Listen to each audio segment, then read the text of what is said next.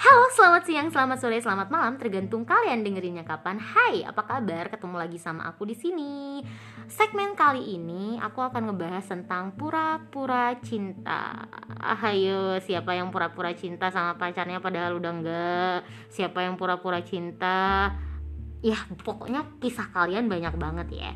Nah, sekarang yang aku pengen sampaikan adalah pura-pura cinta versi aku. Pura-pura cinta yang aku lakukan sekarang itu saat aku masih kelas 4 SD sampai aku kelas 2 SMA. Mm -mm, mm -mm, bener banget. Mm -mm. Dari aku kelas 4 SM, SD sampai aku kelas 2 SMA, bayangin tuh bayangin.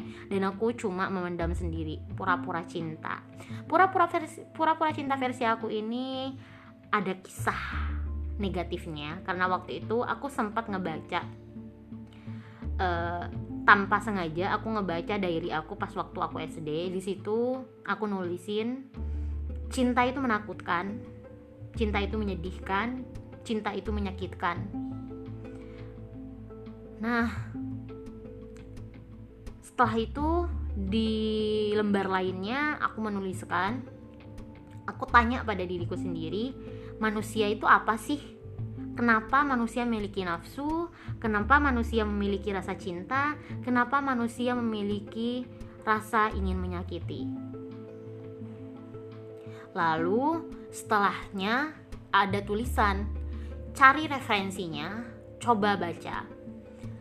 Aku yakin pas waktu Nabila masih kecil, waktu itu pasti mencari tahu karena keinginan tahuku tuh sangat tinggi akhirnya aku mencari tahu dan adalah satu kesimpulan nih. Pas waktu SMP sih tapi ini diary pas waktu SMP ada tulisan seperti ini.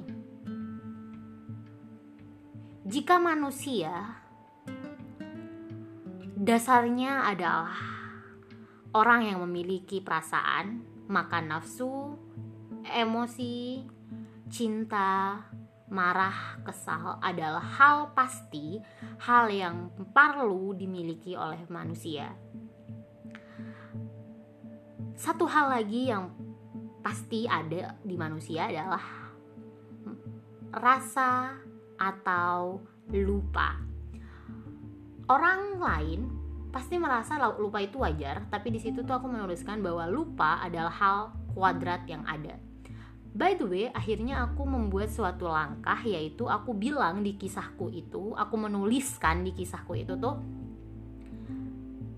berpura-puralah cinta ke orang agar kamu seakan-akan memiliki semangat, agar kamu seakan-akan memiliki orang lain, agar kamu menjaga diri kamu sendiri, save yourself.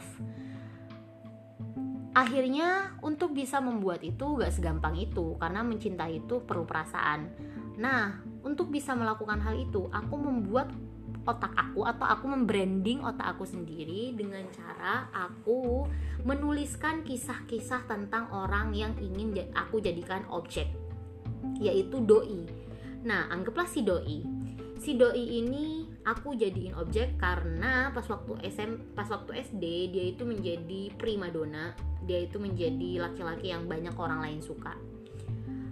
Dan aku merasa aku tidak akan pernah menggapai dia. So, aku menuliskan tentang kisah dia. Aku menuliskan puisi tentang dia.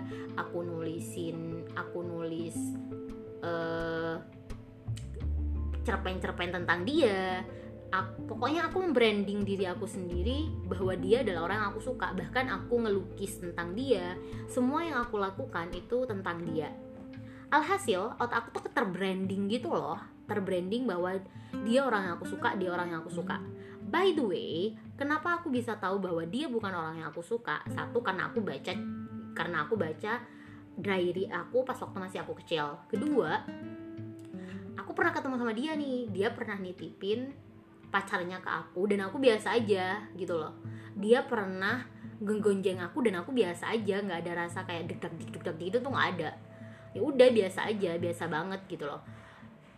Alhasil sampai sekarang aku baru tahu kalau aku waktu itu cuma pura-pura lupa. Aku waktu itu cuma pura-pura cinta. Aku benar-benar nggak cinta sama dia. Cuma branding otakku aja biar aku bisa jaga diri aku sendiri.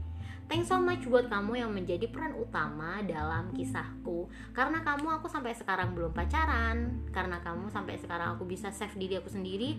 Karena kamu saat ini aku bisa mempelajari tentang seorang laki-laki God bless you, bye-bye